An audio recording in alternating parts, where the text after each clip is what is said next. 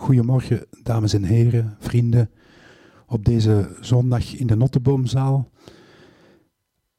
Ik ga u eerst en vooral deze uitnodiging laten zien. Een tentoonstelling die deze week opengaat in ING Art Center over de jaren 60. U kan zich geen groter contrast voorstellen met de cover van het boek hier geprojecteerd.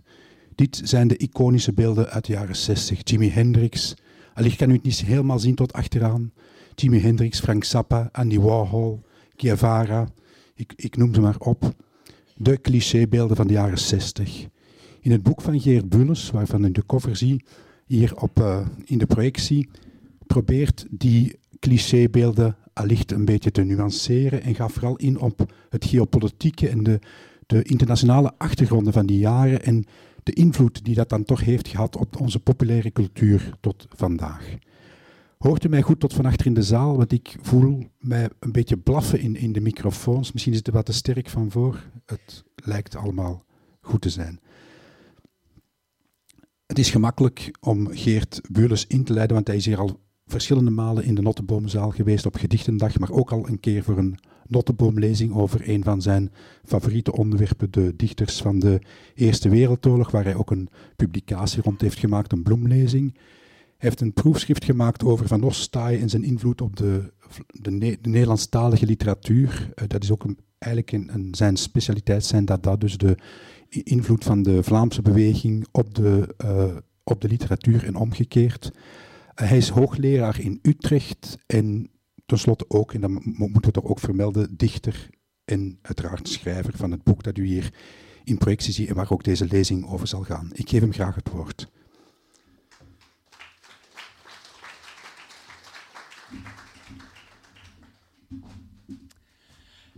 Dank u wel. Goedemorgen iedereen. Um, ja, heel fijn om hier in de Notteboomzaal uh, te spreken vandaag in de Erfgoedbibliotheek. Ik had uh, dit boek niet kunnen schrijven zonder de Erfgoedbibliotheek. Ik heb hier wekenlang oude kranten en tijdschriften uit binnen- en buitenland doorgenomen. En dat heeft mij heel veel bijgebracht. Dus ook veel van de dingen die u zo meteen de revue ziet passeren, die heb ik hier in dit gebouw kunnen leren. Um, dus het, verhaal vandaag over de jaren 60. Uh, eh, de jaren 60 zijn uh, lang geleden, maar toch ook niet. Uh, we herdenken eigenlijk doorlopend dingen uit de jaren 60. deze week was het dit beeld dat geregeld voorbij kwam, 50 jaar geleden, op de Olympische Spelen in Mexico, waar twee zwarte atleten de Black Power groet brachten. En uh, nou ja, waarna ze meteen uit het Amerikaanse team werden uh, uitgesloten. Uh, nou ja, een symbool van de zwarte beweging op het einde van de jaren 60.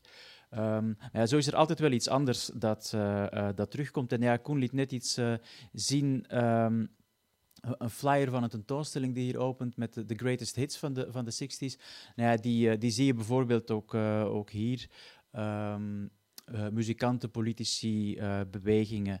Um, heel veel uh, muziek, vooral inderdaad, die tot vandaag met de jaren 60 geassocieerd worden. Nou, daar gaat het in het boek vanzelfsprekend uh, ook over. Het is denk ik in elke versie van de jaren 60 uh, eh, spelen deze greatest hits een rol. Dan heb ik het over deze Nobelprijswinnaar voor de literatuur, over deze vier jongens uit Liverpool, of als het over onze gewesten gaat, over Leuven-Vlaams en Paul Gozes, over Provo in Nederland, maar ook in Antwerpen. Over de hippies, over the Summer of Love en over Woodstock. Allemaal greatest hits van de jaren 60.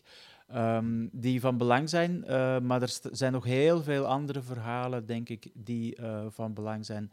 En die ons misschien meer helpen, niet alleen om de wereld van toen, maar zeker ook om de wereld van vandaag uh, beter te begrijpen. Want ik ben ervan overtuigd dat heel veel van de discussies die wij vandaag in de samenleving kennen, dat dat varianten zijn van discussies die in de jaren 60 zijn begonnen. Daar ga ik op het einde van de lezing nog een paar Amerikaanse voorbeelden van geven. Dus ik probeer de jaren 60 net iets anders uh, te bekijken. Um, en om maar eens iets te zeggen wat niet meteen met de jaren 60 uh, worden geassocieerd. We zijn geneigd om dat decennium te zien als uh, het begin van de leegloop van de katholieke kerk En dat is in Nederland voor de protestantse kerk eigenlijk uh, net zo. En dat is uh, natuurlijk ook zo. De, de, kerken waren nadien veel minder vol dan ze in de jaren 50 en ook nog in de vroege jaren 60 waren. Maar dat neemt niet weg dat het decennium zelf eigenlijk barst van de religie. De, in, in, de muziek heeft men heel veel aandacht voor religie, maar ook de vermenging van, van religie en politiek. we zien Martin Luther King, ja, voorvechter van de zwarte burgerrechten, maar natuurlijk ook een dominee. We zien Johannes 23, waanzinnig populaire paus aan het begin van het decennium, die met het Tweede Vaticaans Concilie de kerkgeschiedenis grondig heeft uh, herschreven. En onderin zien we opnieuw een plaatje van uh, Woodstock. Maar niet een plaatje dat je ook in de film van Woodstock uh, ziet, als ik het me goed herinner. Maar dus ja, een Indiaanse guru die voor het grootste publiek dat hij ooit voor zijn neus had, het festival mocht openen. Drie heel verschillende voorbeelden die denk ik typerend zijn voor hoe de jaren 60 bezeten waren door religieuze kwesties en religieuze gevoelens. Een van de belangrijkste uh, culturele eigenschappen van de jaren 60, en mijn boek is bovenal een cultuurgeschiedenis, uh, dus ik heb het vooral over cultuur, is hoe in de jaren 60 door technologische ontwikkelingen de cultuur draagbaar wordt. En dat is van belang omdat een draagbare cultuur, bijvoorbeeld door de transistorradio die je op je uh, schouder uh, kon meedragen, uh, ja, de werd, de, werd, cultuur dus draagbaar. Betekende dat hij ook individueel genoten kon worden. Ja, de meeste van jullie hebben het nog wel meegemaakt, denk ik, dat er gewoon één radiotoestel in huis was. Daar was zelden of nooit popmuziek op te horen. Het was de vader die besliste waarnaar geluisterd werd zondagmiddag opera en belcanto, herinner ik mij. Um, met een transistor kon je zelf uh, de straat op en naar Radio Veronica luisteren of Radio Calrine of uh, Radio Luxemburg, afhankelijk van waar je woonde. Uh, en kon je ook naar popmuziek luisteren. En nou, ook de, de draagbare platenspeler met 45 toerist-singeltjes Um, en later in het decennium zelfs televisies die draagbaar werden, maakten het dus mogelijk dat cultuur iets was dat je individueel of enkel met je vrienden genoot, in plaats van met het hele gezin. Dat is denk ik een van de, nou ja, van de cruciale technologische ontwikkelingen die het mogelijk maakten dat er in de jaren 60 is gebeurd wat er is gebeurd in één zin samengevat, van een cultuur die nog heel erg, zoals die van de jaren 30, 40 en 50, op het collectieve gericht was steeds meer aandacht kreeg voor individuele smaken en individuele behoeften. Cultuur werd draagbaar, maar hij werd ook mondiaal. We spreken vandaag veel over uh, globalisering. Dat is de afgelopen decennia voornamelijk een economische globalisering geweest. Ik zie de jaren 60 als het moment van culturele globalisering, deels ook mediatieke globalisering mogelijk gemaakt door alweer um, technologische innovatie, in dit geval de satelliet, die ervoor zorgde dat uh, nieuwsbeelden uh, razendsnel van de ene naar de andere kant van de wereld konden worden gestuurd. Bij het creëren van een mondiale uh, cultuur is dat uiteraard geen detail. Maar ook hier was de popcultuur ook um, weer leidend. En daar had je zelfs niet eens een uh, satelliet uh, voor nodig. Een van de grote uh, succesnummers van de cultuur van de jaren 60 was de Western. In België keek iedereen naar Bonanza. In Nederland en de rest van het Westen uh, overigens ook. Maar er werden niet alleen in de Verenigde Staten Western gemaakt, want daar komt het genre vandaan. Um, maar bijvoorbeeld ook in Oost-Europa ergens in de onderste uh, rij plaatjes staat een filmaffiche van een uh, Tsjechische western, uh, Lemonade Joe. Het is een, een cowboy die Joe heet en die een, een soort van communistische concurrent voor Coca-Cola verkoopt. het is een, een, verfilming van een heel populair Tsjechisch theaterstuk, een paardenopera, die tot vandaag in maneges wordt opgevoerd. Want om een western goed te kunnen opvoeren heb je natuurlijk paarden nodig. Niet in het theater, maar in de manege. Uh, Lemonade Joe, ja, geweldige film. Uh, zelfs de uh, journalist van de Telegraaf had er heel erg om moeten lachen. Um, verder nog andere bekende voorbeelden van de western in de uh, cultuur. Natuurlijk, de jaren 60 zijn het decennium van de spaghetti-westerns. Spaghetti-westerns zoals The Good, The Bad and The Ugly.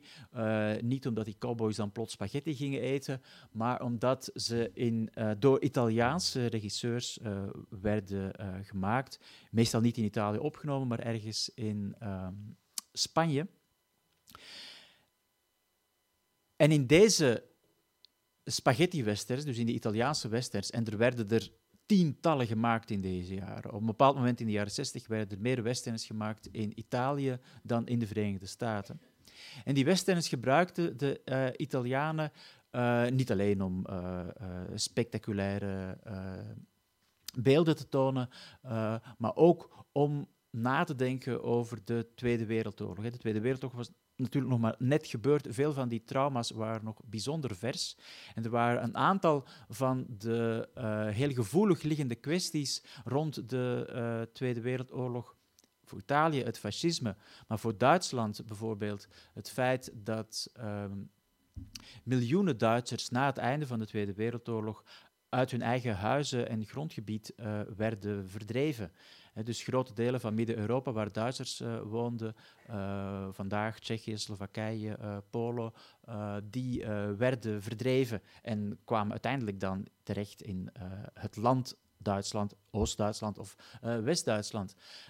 En via verhalen over Indianen, die ook van hun grondgebied waren verdreven, kon men het over dat trauma dat verder onbespreekbaar was, alsnog uh, hebben. En de Duitse cultuur had via Karl May al decennia lang natuurlijk een bijzondere fascinatie voor het Wilde Westen. Maar je ziet dat vooral in de jaren 60 dat tot televisie- en bioscoopfilms leidt, zowel in West-Duitsland als in Oost-Duitsland. Dus de western als een voorbeeld van globalisering in de cultuur, wat niet betekent dat je overal hetzelfde hebt. Hè. Dat is wat men vaak denkt. Globalisering betekent dat we overal McDonald's en Coca-Cola uh, tot ons moeten nemen. Dat kan het betekenen, maar het betekent veel vaker dat er elementen uit een bepaald land komen, heel vaak de Verenigde Staten, die een enorme impact zullen hebben op de cultuur elders, maar waar lokale culturele en politieke gevoeligheden er dan weer een eigen draai aan zullen geven. Er ontstaat in deze periode een populaire cultuur waar muziek en mode heel belangrijk uh, in zijn, um, die voornamelijk uit de uh, Engelstalige wereld komt, dus uit de Verenigde Staten, maar via de Beatles en andere Britse bands ook uit het Verenigd Koninkrijk. Ook die pop- en muziekcultuur verovert de wereld. Dit is een voorbeeld uit Azië, uh, waar op het eind van de jaren 60 um, psychedelische uh, platen en ook uh, uh, platen hoezen worden gemaakt. Rechts zien we Miriam Makeba. Zij was eigenlijk de eerste Afrikaanse ster, wereldster, voornamelijk eigenlijk omdat zij Zuid-Afrika was ontvlucht.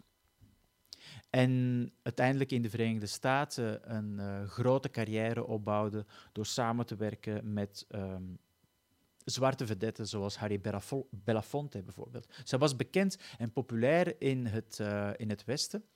Maar dit is geen uh, westers tijdschrift wat je hier ziet. Het is een tijdschrift uit Polen. En in Polen en in de rest van communistisch Europa was zij, uh, was zij ook populair. Want daar werd zij vooral gezien als een zangeres van vrijheidsliederen. En in deze jaren van de Koude Oorlog profileerden de communistische landen zich als de um, beschermheren en dames, uh, maar toch vooral heren, van de um, zwarte in Zuid-Afrika die in het apartheidssysteem uh, werden uh, gediscrimineerd. Onder meer de auteurs die verboden waren, dus zwarte Zuid-Afrikaanse auteurs waarvan de boeken niet konden verschijnen in Zuid-Afrika, die verschenen dan in Oost-Berlijn in het Engels en werden vanuit Oost-Berlijn over de wereld verspreid. Is ook een voorbeeld van een bepaalde vorm van globalisering van cultuur, maar waar de Koude Oorlog een hele belangrijke rol in heeft gespeeld. Maar veel vaker en voor de meeste mensen was uh, de mondiale popcultuur natuurlijk gewoon plaatjes draaien. Ja, we zien een jongen op zijn buik liggen luisterend in Londen naar Ray Charles. En rechts van hem zien we een dame uit Bamako in, in uh, Mali die ook heel trots haar uh, Ray Charles plaat uh, toont. Danser le twist avec Ray Charles. Ray Charles was op zich niet de grootste voorvechter van de twist, maar de twist was een van de grootste rages uit de jaren 60 en uh, op allerlei vroeger ook een roll en rhythm and blues waarop getwist kon worden, werd dan ook dat etiket gekleefd. En zo belandde deze Franstalige editie van Ray Charles ook in Mali. Een van de grootste en bekendste fenomenen uit de uh, muziekcultuur uit deze jaren is uiteraard de singer-songwriter. De uh, met gitaar getooide zanger. linksboven zien we Bob Dylan en John Baez vanuit de Verenigde Staten, wellicht de bekendste voorbeelden daarvan. Maar je ziet ze overal in de, in de wereld. Je ziet ze in Latijns-Amerika, je ziet ze in Griekenland, je ziet ze in Rusland. Um, je ziet ze aan het begin van het decennium, ook in katholieke gewesten, lang voor Bob Dylan um, bekend is.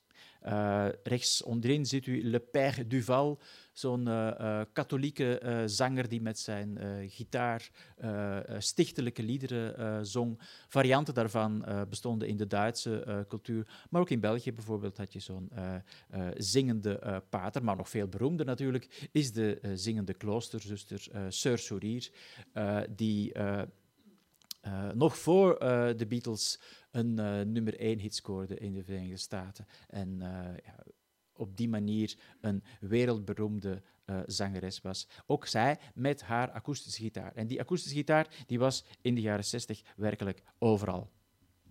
Ook op plekken waar je die misschien niet zou verwachten. Um, dit door u meteen herkende beeld uit The Sound of Music. Um, dit is eigenlijk de kern van de jaren 60 cultureel gesproken. In die zin dat er in dat decennium geen enkele film door meer mensen is bekeken dan The Sound of Music, maar ook geen enkele LP beter is verkocht dan de soundtrack van The Sound of Music. Wij denken de jaren 60, Beatles, Beatles, Beatles, uiteraard heel populair, maar The Sound of Music um, raakte heel veel snaren tegelijkertijd. Het is een film die gaat over de, over de Tweede Wereldoorlog, over de strijd uh, uh, tegen het fascisme.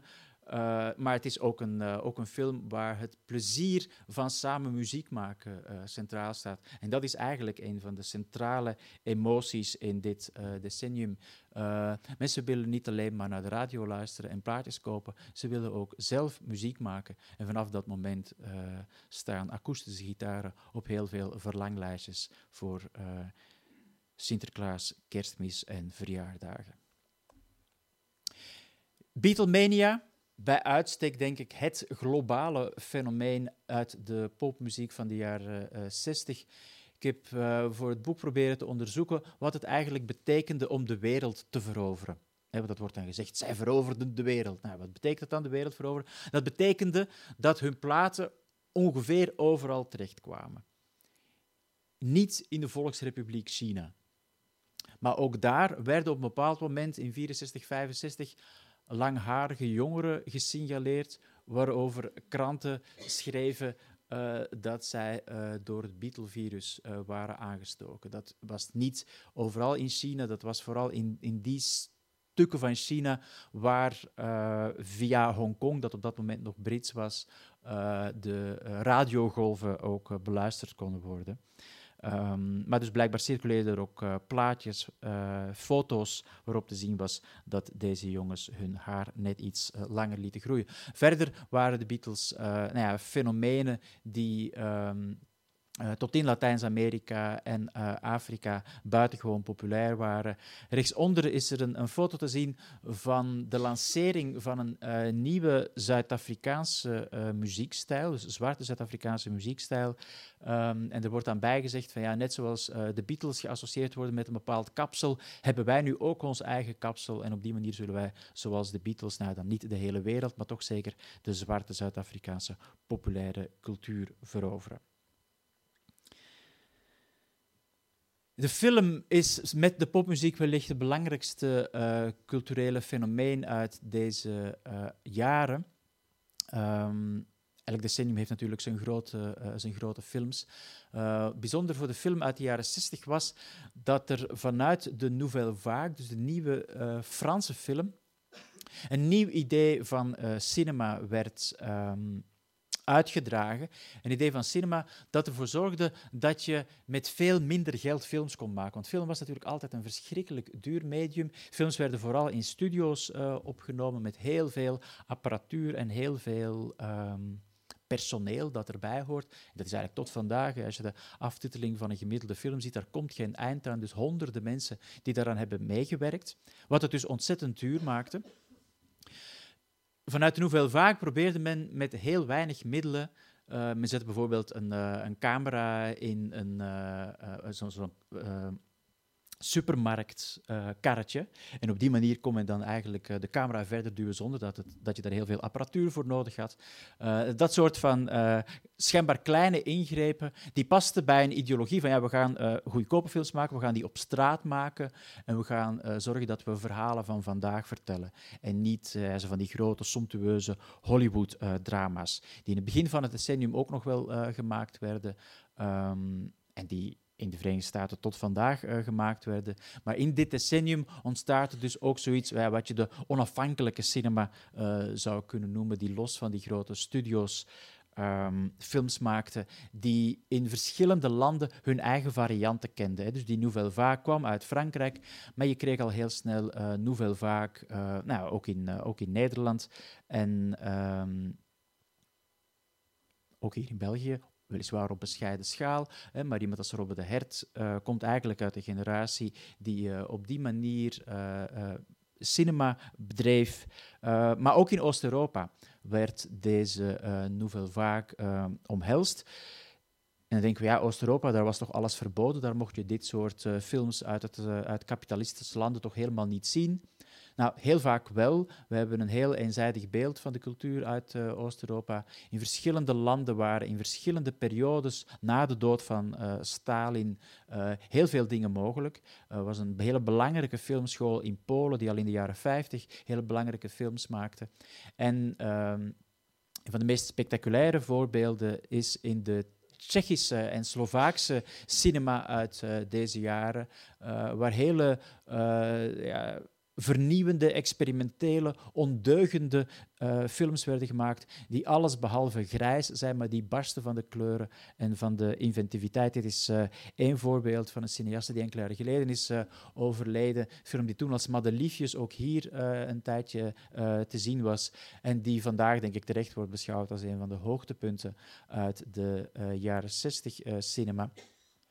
Um, ja, zij uh, maakte deel uit van een filmschool in, uh, in Praag, uh, waar ze les kregen van Milan Kundera, een grote romanschrijver. Um, die nou ja, in deze periode samen met deze nieuwe generatie een hele nieuwe Tsjechische, maar deels ook Slovaakse cultuur ontwikkelde. Met nieuwe ideeën rond literatuur, maar ook rond film. En heel veel van deze films waren eigenlijk lievelingen op de grote festivals, filmfestivals, zoals die in deze jaren uh, bloeiden. Uh, Cannes, Venetië, uh, Berlijn.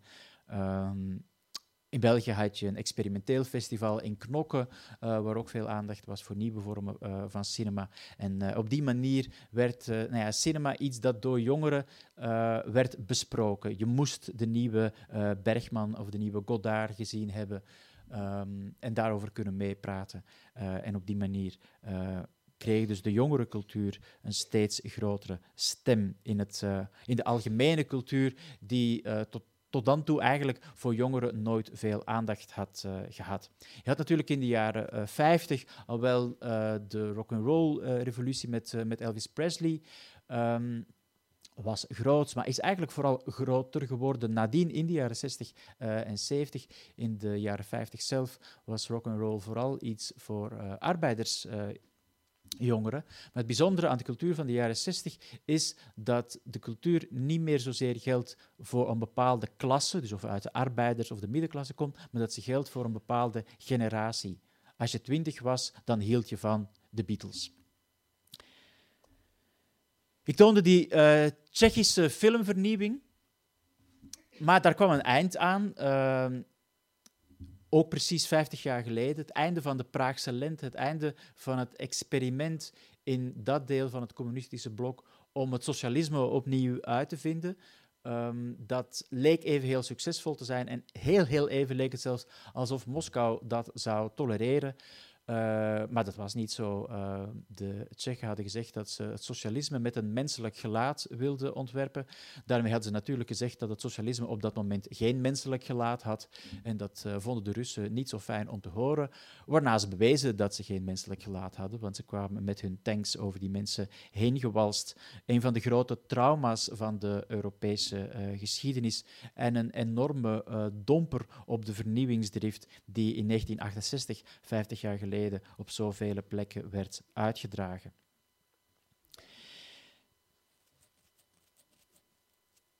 We gaan even naar de andere kant van de wereld, waar heel vergelijkbare uh, kwesties speelden. Kwesties die uh, helaas, moet ik zeggen, tot vandaag heel erg actueel zijn. Links zien we een optocht. Uh, het zijn een paar van de beroemdste Braziliaanse actrices die samen met 100.000 andere mensen door uh, Rio trekken in 1968 om culturele vrijheid te uh, eisen. dat sprak niet van zich, voor, voor zich om culturele vrijheid te eisen. sinds 1964 werd Brazilië ehm, geregeerd door militairen.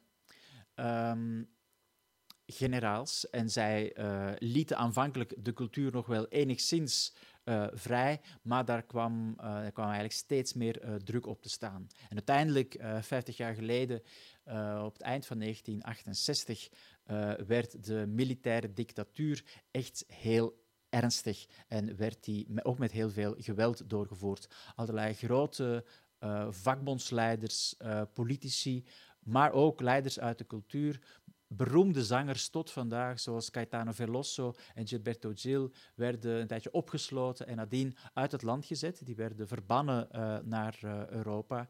En dus die uh, militaire dictatuur werd steeds gewelddadiger, inclusief massale opsluiting van opposanten en foltering.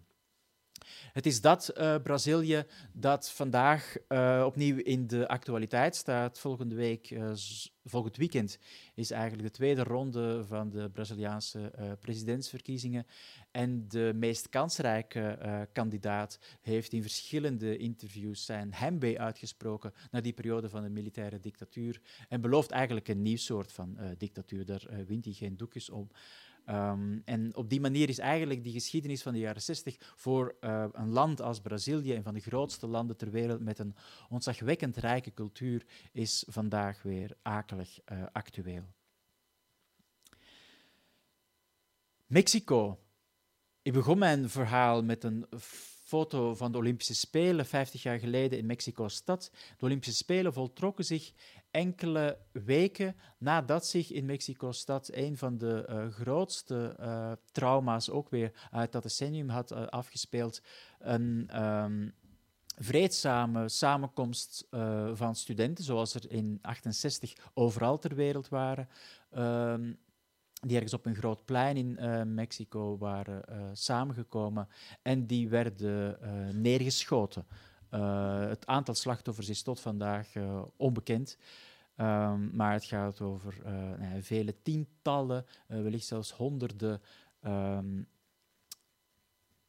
betogers die werden neergeschoten, maar er waren ook, omdat de Olympische Spelen zouden gaan beginnen, ook heel veel westerse journalisten in de buurt. En uh, nou op die manier uh, kwam Mexico in de belangstelling op een manier die de overheid niet echt uh, had voorzien.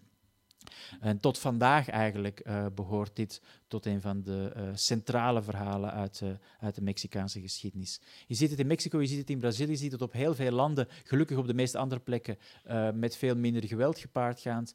Maar nieuwe generaties, jongeren die het woord opeisen, die mee willen praten over de samenleving en die afscheid willen nemen van een samenleving die nou ja, paternalistisch, seksistisch, uh, racistisch is en die uh, zich een nieuwe wereld uh, dromen. Symbool van heel deze beweging 68, mei 68. De verbeelding aan de macht uh, was de slogan. Nou, wat moeten we ons daarbij voorstellen bij de verbeelding aan de macht? Nou ja, wat ik net zei, dus niet zozeer die uh, seksistische, patriarchale, erg autoritaire uh, bestuursvorm zoals die toen uh, nagenoeg overal ter wereld uh, nog de norm was, maar een veel uh, vrijere variant. Politiek gesproken is dat op de meeste plekken helemaal geen uh, succes geweest, maar het maakte wel deel uit van een veel grotere, veel bredere culturele omwenteling, waarin de cultuur vrijer werd. Het is helemaal niet zo dat dat bedacht is in 68. Dat was al een heel, een heel tijdje bezig. En je zou kunnen zeggen van ja, de jongeren die in 68 aan de universiteiten overal ter wereld uh, studeren, dat waren eigenlijk de tieners die in 1964 Beatlemania hadden mogelijk gemaakt. Zij hadden toen hun weinige spaargeld in Beatles-singeltjes uh, gestoken. Nou, een paar jaar later eisten zij ook zelf het woord op. Maar zoals ik zei, die uh, culturele omwenteling die was veel breder en die was in zekere zin ook al veel vroeger begonnen. En dit is eigenlijk de uh, cultuur waar men tegen is. Dit is een voorbeeld uit uh, een uh, Amerikaanse televisieserie. Um, waarin je het soort van ideale gezin uit uit de jaren 50 ziet. ze hebben allemaal Colgate tandpasta, kijken bewonderend naar vader wanneer hij op zondag het vlees uh, aansnijdt. En uh, de kinderen zijn schoon gecoiffuurd, uh, ze hebben hun haren gekamd, ze zitten in driedelig pak aan tafel en zijn modelkinderen. Nou ja, dat is een soort van clichébeeld van de jaren 50. Het is allemaal heel ordelijk, maar het is vooral ook buitengewoon saai. Nou ja, dat verandert in de jaren 60 en dat leidt dan Bijvoorbeeld tot eind jaren 60. Dit is een tentoonstelling in Zweden van Nicky de Saint-Val. Um, we zijn niet alleen van zwart-wit naar kleuren gegaan, maar de uh, samenleving is in een, aantal jaar, uh, een beperkt aantal jaren opmerkelijk uh, verseksualiseerd. Wat dus onder meer aanleiding geeft tot deze gigantische installatie in een museum, waar mensen staan aan te schuiven um, om deze vrouw te betreden. En uh, als u achterin uh, ziet uh, de, de, de twee grijze mensen op het einde van de, van de rij. ja, brave burgers zou je denken, die misschien ook nog wel in dat jaren 50 beeld pasten, maar die op het einde van de jaren 60 denken van nou, deze vrouw willen wij ook wel eens van binnen zien. De cultuur was dus vrijer geworden en dat was onder meer gelukt omdat de televisie in de jaren 60, de openbare omroepen in Europa, maar ook de televisie in de Verenigde Staten openstond voor vormen van culturele vernieuwing en van experiment, uh, nou ja, die vandaag eigenlijk um, nog wel voorkomen in de wereld, maar nauwelijks op primetime uh, aanschouwd kunnen worden. Maar dat was uh, in die jaren anders. Dit is een extreem voorbeeld. De Amerikaanse componist uh, John Cage, die in kleine kring bekend was uh, in de jaren 50, onder meer met zijn compositie 4 minuten 33, hè, 4 minuten 33 stilte. Maar hij maakte ook muziek waar geluid bij kwam. Bijvoorbeeld het geluid dat je hoort wanneer je met een gieter bloemenwater geeft die in een bad staan. maar ook een hele reeks andere huishoudelijke apparaten die hij gebruikte in zijn composities. En die hij in dit geval live mocht komen opvoeren en van commentaar voorzien op een Amerikaanse, in een Amerikaanse quizshow in de, in de vroege jaren 60. Um, ehm, Cage is maar een van die vele symbolen van een cultuurverandering uh, waarin ja, dingen anders doen, zot doen zou je ook kunnen zeggen, spelen kan je het ook wel noemen, onderdeel werden van de cultuur. Ook in onze gewesten gebeurde dat. Met het begin ook van de festivalcultuur. Hè. Vandaag duurt het festivalseizoen bijna het hele jaar. Uh, dat was toen veel minder het geval, maar een belangrijk festival was het festival van Bilze, Jazz Bilze. Um, met sponsoring van Humo. En met in 1967 tijdens de Summer of Love een eigen variant, waar Wannes van de Velde een belangrijke rol in speelde. Wannes die met zijn doedelzak aan het station de jongeren ging ophalen om ze naar de festivalweide te brengen. Maar 50 jaar geleden, ook hier aan dit eigenste Conscienceplein, um, een happening waar Wannes overigens ook bij uh, betrokken was, maar verder met onder meer Panamarenko. En waar ging die happening over? Die ging erover dat het Conscienceplein verkeersvrij moest worden gemaakt. En daarmee zijn we bij een ander, denk ik, heel belangrijk punt van die, van die nieuwe cultuur uit de jaren 60 gekomen. Ehm, vanuit de cultuur, dus vanuit de, de, de beeldende kunst, vanuit de muziek, vanuit de literatuur, uh, werden er vragen opgeworpen waar de politiek iets mee moest. Vragen die heel vaak te maken hadden met hoe leven we nu eigenlijk samen in de stad. En uh, nou ja, jullie hebben natuurlijk allemaal nog meegemaakt dat je mocht parkeren op de grote markt van Brussel en op het Conscienceplein. En uh, op zoveel andere plekken in de stad, nou tot vandaag natuurlijk, is het een discussie wat de plek is van de auto in de stad. En die discussie die is dus eigenlijk aangezwengeld op deze plek 50 jaar geleden door onder meer Panamarenko. Dit is Daniel Cohn-Bendit, Rode Danny, het symbool van de uh, opstand in Parijs in mei 68. Maar die hoort in zekere zin ook bij het speelser worden van die uh, cultuur. En dat zie je hier eigenlijk op deze foto, waar hij die uh, Parijse flik uh, guitig aanstaart en een beetje uitdaagt. En dat is wat die studenten natuurlijk de hele tijd deden. uitdagen, niet alleen maar snaaks glimlachend, maar vaak ook door met... Um, kasseien te gooien. Dat was dan net iets minder uh, vrolijk. Um, maar die beide aspecten zaten denk ik in mei 68. Dus zowel het uh, speels uitdagende als het gewelddadig uitdagende. En nou ja, ze hebben alle twee, denk ik, uh, een stempel gedrukt op de ontwikkeling van de cultuur nadien. Dat gewelddadig uitdagende, nou, dat zou uiteindelijk leiden tot de Rode Armee-fractie en tot de Rode Brigades. Uh, maar ook tot uh, extreemrechtse uh, varianten waar met geweld een maatschappelijke verandering werd nagestreefd.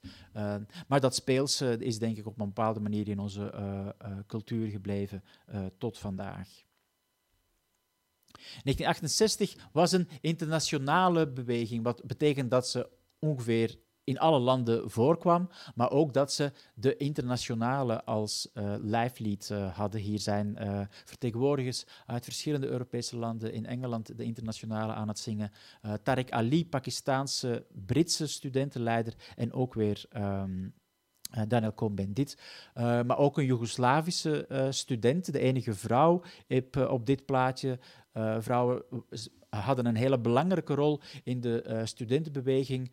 Um, maar zijn daar zelden uh, voor uh, geëerd. Het is eigenlijk pas vandaag, 50 jaar later, dat bij die eindeloze reeks herdenkingen rond 68 ook vrouwen vaak het woord krijgen. En dan werd gevraagd, ja, wat was eigenlijk de bijdrage van de jonge feministen aan de ophef uit 68 en de jaren nadien, want die was natuurlijk ook nog in de jaren 70 heel erg groot met de tweede uh, feministische golf, de strijd voor de uh, legalisering van uh, abortus en zo meer. Deze grote generatie van 68, met groot bedoel ik ook demografisch groot, want het waren de babyboomers, de kinderen geboren na het einde van de Tweede Wereldoorlog. Dus ze waren met z'n heel velen en ze lieten van zich horen, dat was onder meer ook omdat zij de hoogst opgeleide, de best opgeleide uh, generatie was die de geschiedenis ooit had gekend. En veel van die um, grote uh, discussies in de samenleving ontstonden dan ook aan universiteiten bij die nieuwe uh, generatie. Onderwijs was een centraal element van de cultuur van de jaren 60. Vooral hoger onderwijs kreeg heel veel aandacht omdat de universiteiten letterlijk uit hun, uit hun voegen barsten. Uh, er werden ook heel veel universiteiten uh, bijgebouwd, uh, ook hier in Antwerpen. Hè, bijvoorbeeld eenmalige UIA in Wilrijk is een van die kinderen van de jaren 60. Maar ook in de derde wereld was onderwijs een centraal element. Dit is een foto uit een film van Agnès Varda over het jonge Cuba vroege jaren 60, waar gigantische alfabetiseringsacties werden ge, uh, uitgevoerd, die uh, begeleid werden door grote optochten, zoals het in de communistische wereld ging. En hier zie je dus optochten met levensgrote potloden en schrijfboekjes, om op die manier het belang uit te dragen van geletterdheid. En ehm, dat was in de derde wereld een centraal element in de cultuur en de politiek uit deze jaren.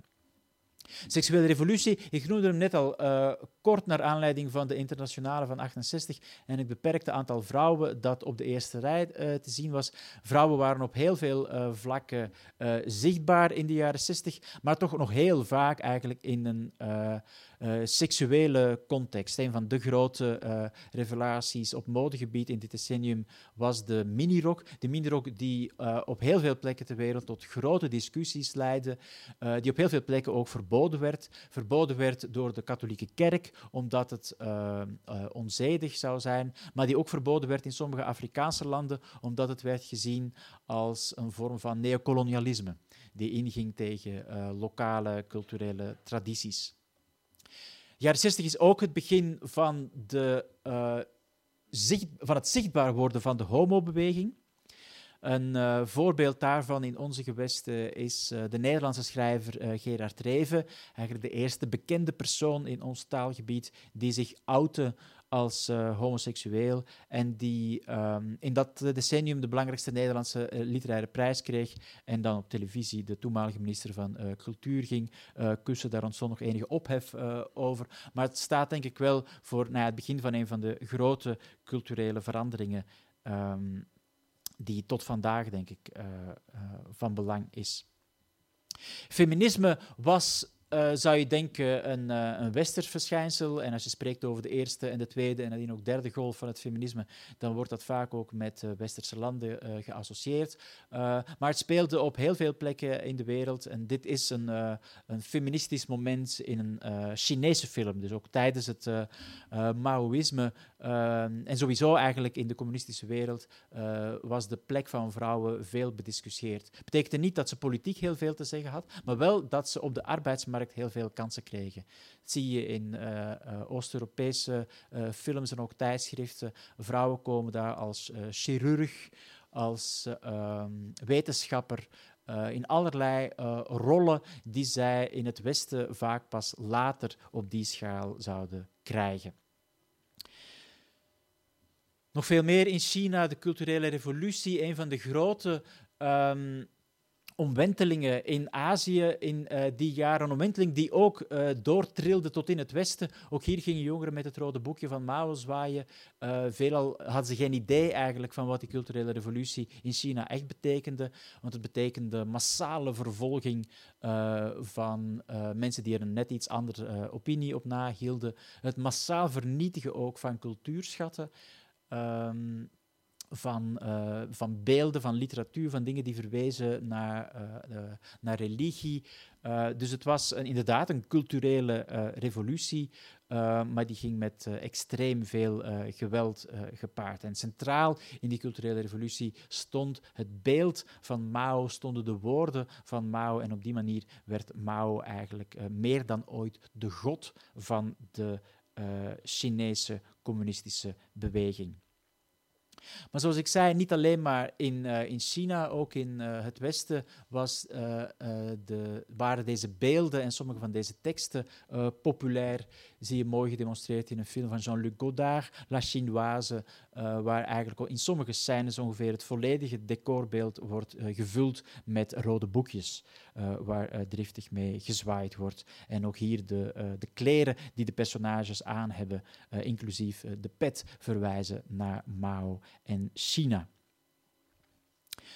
Het grote geopolitieke drama van de uh, jaren 60 uh, had de Cuba-crisis kunnen zijn. En dan hadden we hier nu wellicht niet meer gezeten, want dan was aan de planeet in 1962 een eind gekomen. De Cuba-crisis kon nog net um, was aan het escaleren, maar de grote nucleaire kladderadatsch die bleef gelukkig uit. Uh, maar in Vietnam werd de Koude Oorlog heel erg warm. Het was een onderdeel van de Amerikaanse strijd tegen het uh, communisme, onderdeel van de strijd tegen wat men de domino-theorie noemde, de vrees dat als één land voor het communisme viel, al de buurlanden ook voor het communisme uh, zouden vallen en het, kapitalisme de duimen zou moeten leggen lange en complexe geschiedenis. Wat vooral interessant is vanuit cultureel oogpunt, is om te zien dat eigenlijk die anti-Vietnam-beweging uh, op heel veel plekken in de wereld werd uh, opgenomen. En dus heel veel gedichten, liedjes, uh, maar ook operas, een eindeloze vloedgolf eigenlijk aan culturele producten en betogingen tegen de Amerikaanse inmenging in Vietnam. Nou, de Amerikaanse samenleving is van Vietnam nooit bekomen, ook vandaag nog altijd niet. Um, maar het is interessant om te zien dat ook in de rest van de wereld dit zo werd opgepikt, ook in onze gewesten. En dat was nog maar twintig jaar nadat de Amerikanen als de grote bevrijders uh, waren gezien. En eigenlijk in ook de westerse opvatting van de Verenigde Staten heeft dit conflict een enorme uh, rol gespeeld. Uh, Amerika niet langer alleen maar als de kracht van democratie, maar ook de kracht van imperialisme en geweld, waarbij nee, onnoemelijk veel slachtoffers zijn gevallen in Vietnam. Niet het enige drama in Azië. We hadden al de culturele revolutie in China. Een uh, gruwelverhaal tijdens de machtsstrijd, machtsoverdracht uh, van uh, Sukarno naar Suharto in Indonesië werden eind 1965, begin 1966 misschien wel een miljoen mensen vermoord. Het aantal is nog altijd onzeker, maar ja, ergens tussen het half miljoen en het miljoen communisten etnische Chinezen, maar vaak ook mensen die verdacht werden van communistische sympathieën, maar die die helemaal niet hadden, die massaal werden afgeslacht. Het zijn van de grootste verhalen uit de 20e eeuw maar eigenlijk nauwelijks bekend. En het is pas de afgelopen jaren dat er ook in het Westen over uh, wordt gesproken. Onder meer in deze uh, twee documentaires van de Amerikaanse filmer Joshua Oppenheimer, The Act of Killing and the Look of Silence, waarin hij teruggaat naar Indonesië en gaat praten, maar vooral ook uh, scènes opnemen met de daders. Dus de daders die toen die slachtpartijen hebben uitgevoerd, die die slachtpartijen opnieuw opvoeren. En die proberen opnieuw door te leven, te herbeleven uh, wat ze toen dachten en voelden toen ze die uh, gruweldaden uh, pleegden. Hele indrukwekkende films over een van de grootste verhalen uit de jaren 60, maar veel minder bekend dan die Greatest Hits waar ik mijn verhaal mee begon. Een van de belangrijkste verhalen uit de jaren 60 en buitengewoon actueel omdat de voor ons, omdat de geschiedenis van Europa steeds zichtbaarder uh, met die van Afrika uh, verbonden uh, is, is de decolonisatiegolf, die in um, de jaren, was dat in de jaren 50 klein begonnen, maar vooral vanaf 1960 op massale schaal. tientallen Afrikaanse landen die onafhankelijk worden.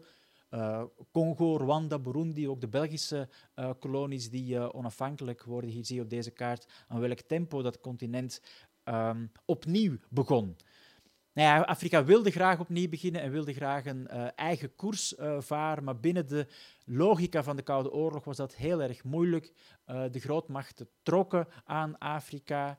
Uh, de Sovjet-Unie, de Verenigde Staten, maar ook de oude kolonisatoren. Uh, Frankrijk is eigenlijk zijn claim op Afrika nooit gelost. En, uh, en ook België natuurlijk, zoals we kennen uit die onverkwikkelijke geschiedenissen rond Lumumba in, in Congo, maar ook rond leiders in Rwanda en Burundi. nou ja, daaraan zag je eigenlijk dat die dekolonisatie allesbehalve um, vanzelf sprak. Een heel veel besproken onderdeel van die dekolonisatie was de strijd in Algerije, maar ook in Frankrijk voor de Algerijnse onafhankelijkheid. Een strijd die uitermate uh, bloedig was. De oorlog zelf werd in Algerije uh, gevoerd, maar in de vroege jaren 60 ook met heel veel geweld in de straten van Parijs. Bomaanslagen van extreemrechtse uh, Franse uh, groeperingen die Algerije niet wilden lossen.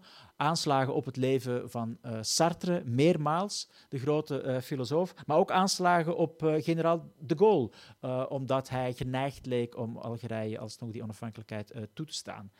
het is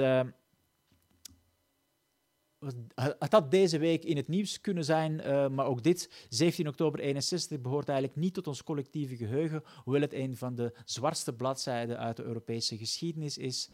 Een grote uh, optocht van Algerijnse betogers in uh, Parijs, die door de politie met heel veel geweld wordt neergeslagen. Er vallen ook hier weer een onbekend aantal slachtoffers. Tientallen, misschien honderden slachtoffers die ehm, kapot worden geslagen door de matrak van de politie en de lijken worden in de scène gegooid. Een van de redenen waarom we eigenlijk tot vandaag niet weten hoeveel mensen er die nacht uh, vermoord zijn. Mensen worden niet alleen in de scène gegooid door de politie, maar ook door Parijse omstaanders die uit hun bus en uit taxis stappen om de uh, politie uh, te helpen. Het is een verhaal dat in uh, West-Europa nauwelijks bekend is. Maar dat in de Algerijnse gemeenschap heel erg bekend is. En het is uh, denk ik een van de bronnen voor heel veel ongenoegen in de samenleving vandaag. En ik denk dat, nou dat het voor iedereen goed zou zijn als we ons beeld van de jaren 60 een beetje zouden bijstellen en niet alleen maar aan Woodstock en Jazz Bilze denken, maar ook aan deze zwarte bladzijden uit de eigen geschiedenis onafhankelijkheidsstrijd van de um, verschillende landen in Afrika liep parallel met de zwarte burgerrechtenbeweging in de Verenigde Staten. En zij raakten elkaar, zij beïnvloedden elkaar ook. Vooral in de tweede helft van de jaren 60, toen die zwarte burgerrechtenbeweging in de Verenigde Staten steeds radicaler werd en toen uh, nou ja, de stem van Malcolm X uh, ook na zijn dood bleef doorklinken en een nieuwe generatie van zwarte activisten, met onder meer Angela Davis, het uh, woord nam. En vanuit die kringen Black Power, Black Panthers, uh, werd uh, de uh, onafhankelijkheidsstrijd in Afrika van heel nabij gevolgd. Um, en er waren een paar grote culturele manifestaties, onder meer in Algiers in 1969, waar alle zwarte um, intellectuele politici en artiesten samenkwamen om deze cultuur te onderzoeken en samen ook verder uit te dragen. Dus je ziet een andere vorm van culturele en politieke globalisering van de zwarte cultuur. Eigenlijk van al die gebieden in de wereld die op een of andere manier betrokken waren uh, bij de slavenhandel eeuwen eerder. Dus al die gebieden van waar de slaven vandaan kwamen uit Afrika, die opnieuw contact zochten met de andere kant van de Atlantische Oceaan, uh, zwarte mensen in Brazilië, in Suriname, in um, uh, Jamaica ook en in de Verenigde Staten zelf. Dus er was een Black Power beweging die veel groter was dan alleen maar de uh, Verenigde Staten en uh, die in Zuid-Afrika werd uh, uitgedragen door verschillende anti-apartheidsbewegingen die in die periode um, één voor één werden uh, verboden en die leidden tot uh, rechtszaken waardoor eigenlijk elke vorm van oppositie in Zuid-Afrika onmogelijk werd gemaakt. Links zien we Winnie Mandela die de bekende uh, vrijheidshouding aanneemt op het moment dat haar man Nelson Mandela tot levenslang wordt veroordeeld. Um, maar dit, deze beelden eigenlijk van uh, vrijheidsstrijd behoren tot de centrale beelden uit deze uh, jaren. Maar ze duiken ook op op plekken en in um, uh, situaties die helemaal niks met politiek te maken hebben. hier zien we een jonge uh, Britse tiener. Uh, ze lijkt Winnie Mandela te imiteren, maar ze weet helemaal niet wie Winnie Mandela is. Ze is gewoon heel erg boos op die uh, politieagent, omdat hij haar ervan weerhoudt om naar Ringo Starr toe te lopen. Want de Beatles zijn achter deze flik Hard Day's Night aan het opnemen. Maar ja, die man weet waarom hij daar staat, want achter deze juffrouw staan er nog honderden andere fans van de Beatles die ook even aan Ringo willen trekken. Um, en ik zei eigenlijk al eerder, hè, die Beatlemania, uh, vroege jaren 60, dit is eigenlijk de generatie uh, met een groot bakkes. Hè. Uh, dat zien we hier, ook al zijn niet alle tanden al volgroeid. maar wanneer de tanden wel volgroeid zijn, ja, dan zitten we dus in 68 met alle gevolgen van dien. Het uitdagen van autoriteiten als een van de centrale elementen in de westerse, maar ook globale cultuur uit deze periode. Ik zei aan het begin, het zijn discussies die eigenlijk 50 jaar later nog altijd doorlopen. Links het beeld van de uh, Black Power groet 50 jaar geleden op de Olympische Spelen in Mexico. Rechts de um, zwarte American football players die knielen tijdens het uh, Amerikaanse volkslied, waarmee wedstrijden plegen te beginnen uh, in de VS. Een van de nou ja, culturele fenomenen van deze tijd waar Trump campagne over voert. En tegelijkertijd staan die zwarte ehm, sporters natuurlijk symbool voor een strijd van zwarte die ook 50 jaar na de moord op Martin Luther King nog altijd doorgaat. Black Lives Matter, de strijd tegen het politiegeweld en voor respect voor het, uh, voor het zwarte lichaam. Een heel centraal element in de sportcultuur, maar ook in de populaire uh, cultuur. Links zien we Black Panthers uit de jaren 60. Rechts zien we de danseressen bij Beyoncé enkele jaren geleden. Een van de grote Amerikaanse sterren van vandaag, die zich in sommige van haar optredens ook heel duidelijk liet inspireren door die zwarte strijd van 50 jaar geleden. En net zoals uh, eh, 50 jaar geleden levert die zwarte strijd ook vandaag in de Verenigde Staten, maar je ziet varianten daarvan ook in uh, onze eigen cultuur. Het uh, eindeloze debat in Nederland over Zwarte Piet mag daar een voorbeeld van zijn. is de zogenaamde white backlash, de vaak gewelddadige, hele agressieve tegenreactie van blanke, van witte mensen die zich bedreigd weten door een minderheid die hun helemaal niet bedreigt maar die zich wel bedreigd weten in hun um, ja, alleenheerschappij. En die strijd is 50 jaar geleden, denk ik, begonnen. En in heel veel opzichten is het ook nog altijd uh, onze strijd. De jaren 60 zijn een tijdperk, zoals ik begin van mijn verhaal zei, van globalisering, cultureel gesproken. We konden van elkaar uh, culturele uitingen uh, leren kennen. En de zwarte cultuur werd bijvoorbeeld ook hier heel populair. Nou, net Rita Franklin verloren, maar ook andere grote sterren uit die jaren. Sam Cooke, Ray Charles, James Brown, ook grote vedetten in de, um, in de blanke wereld.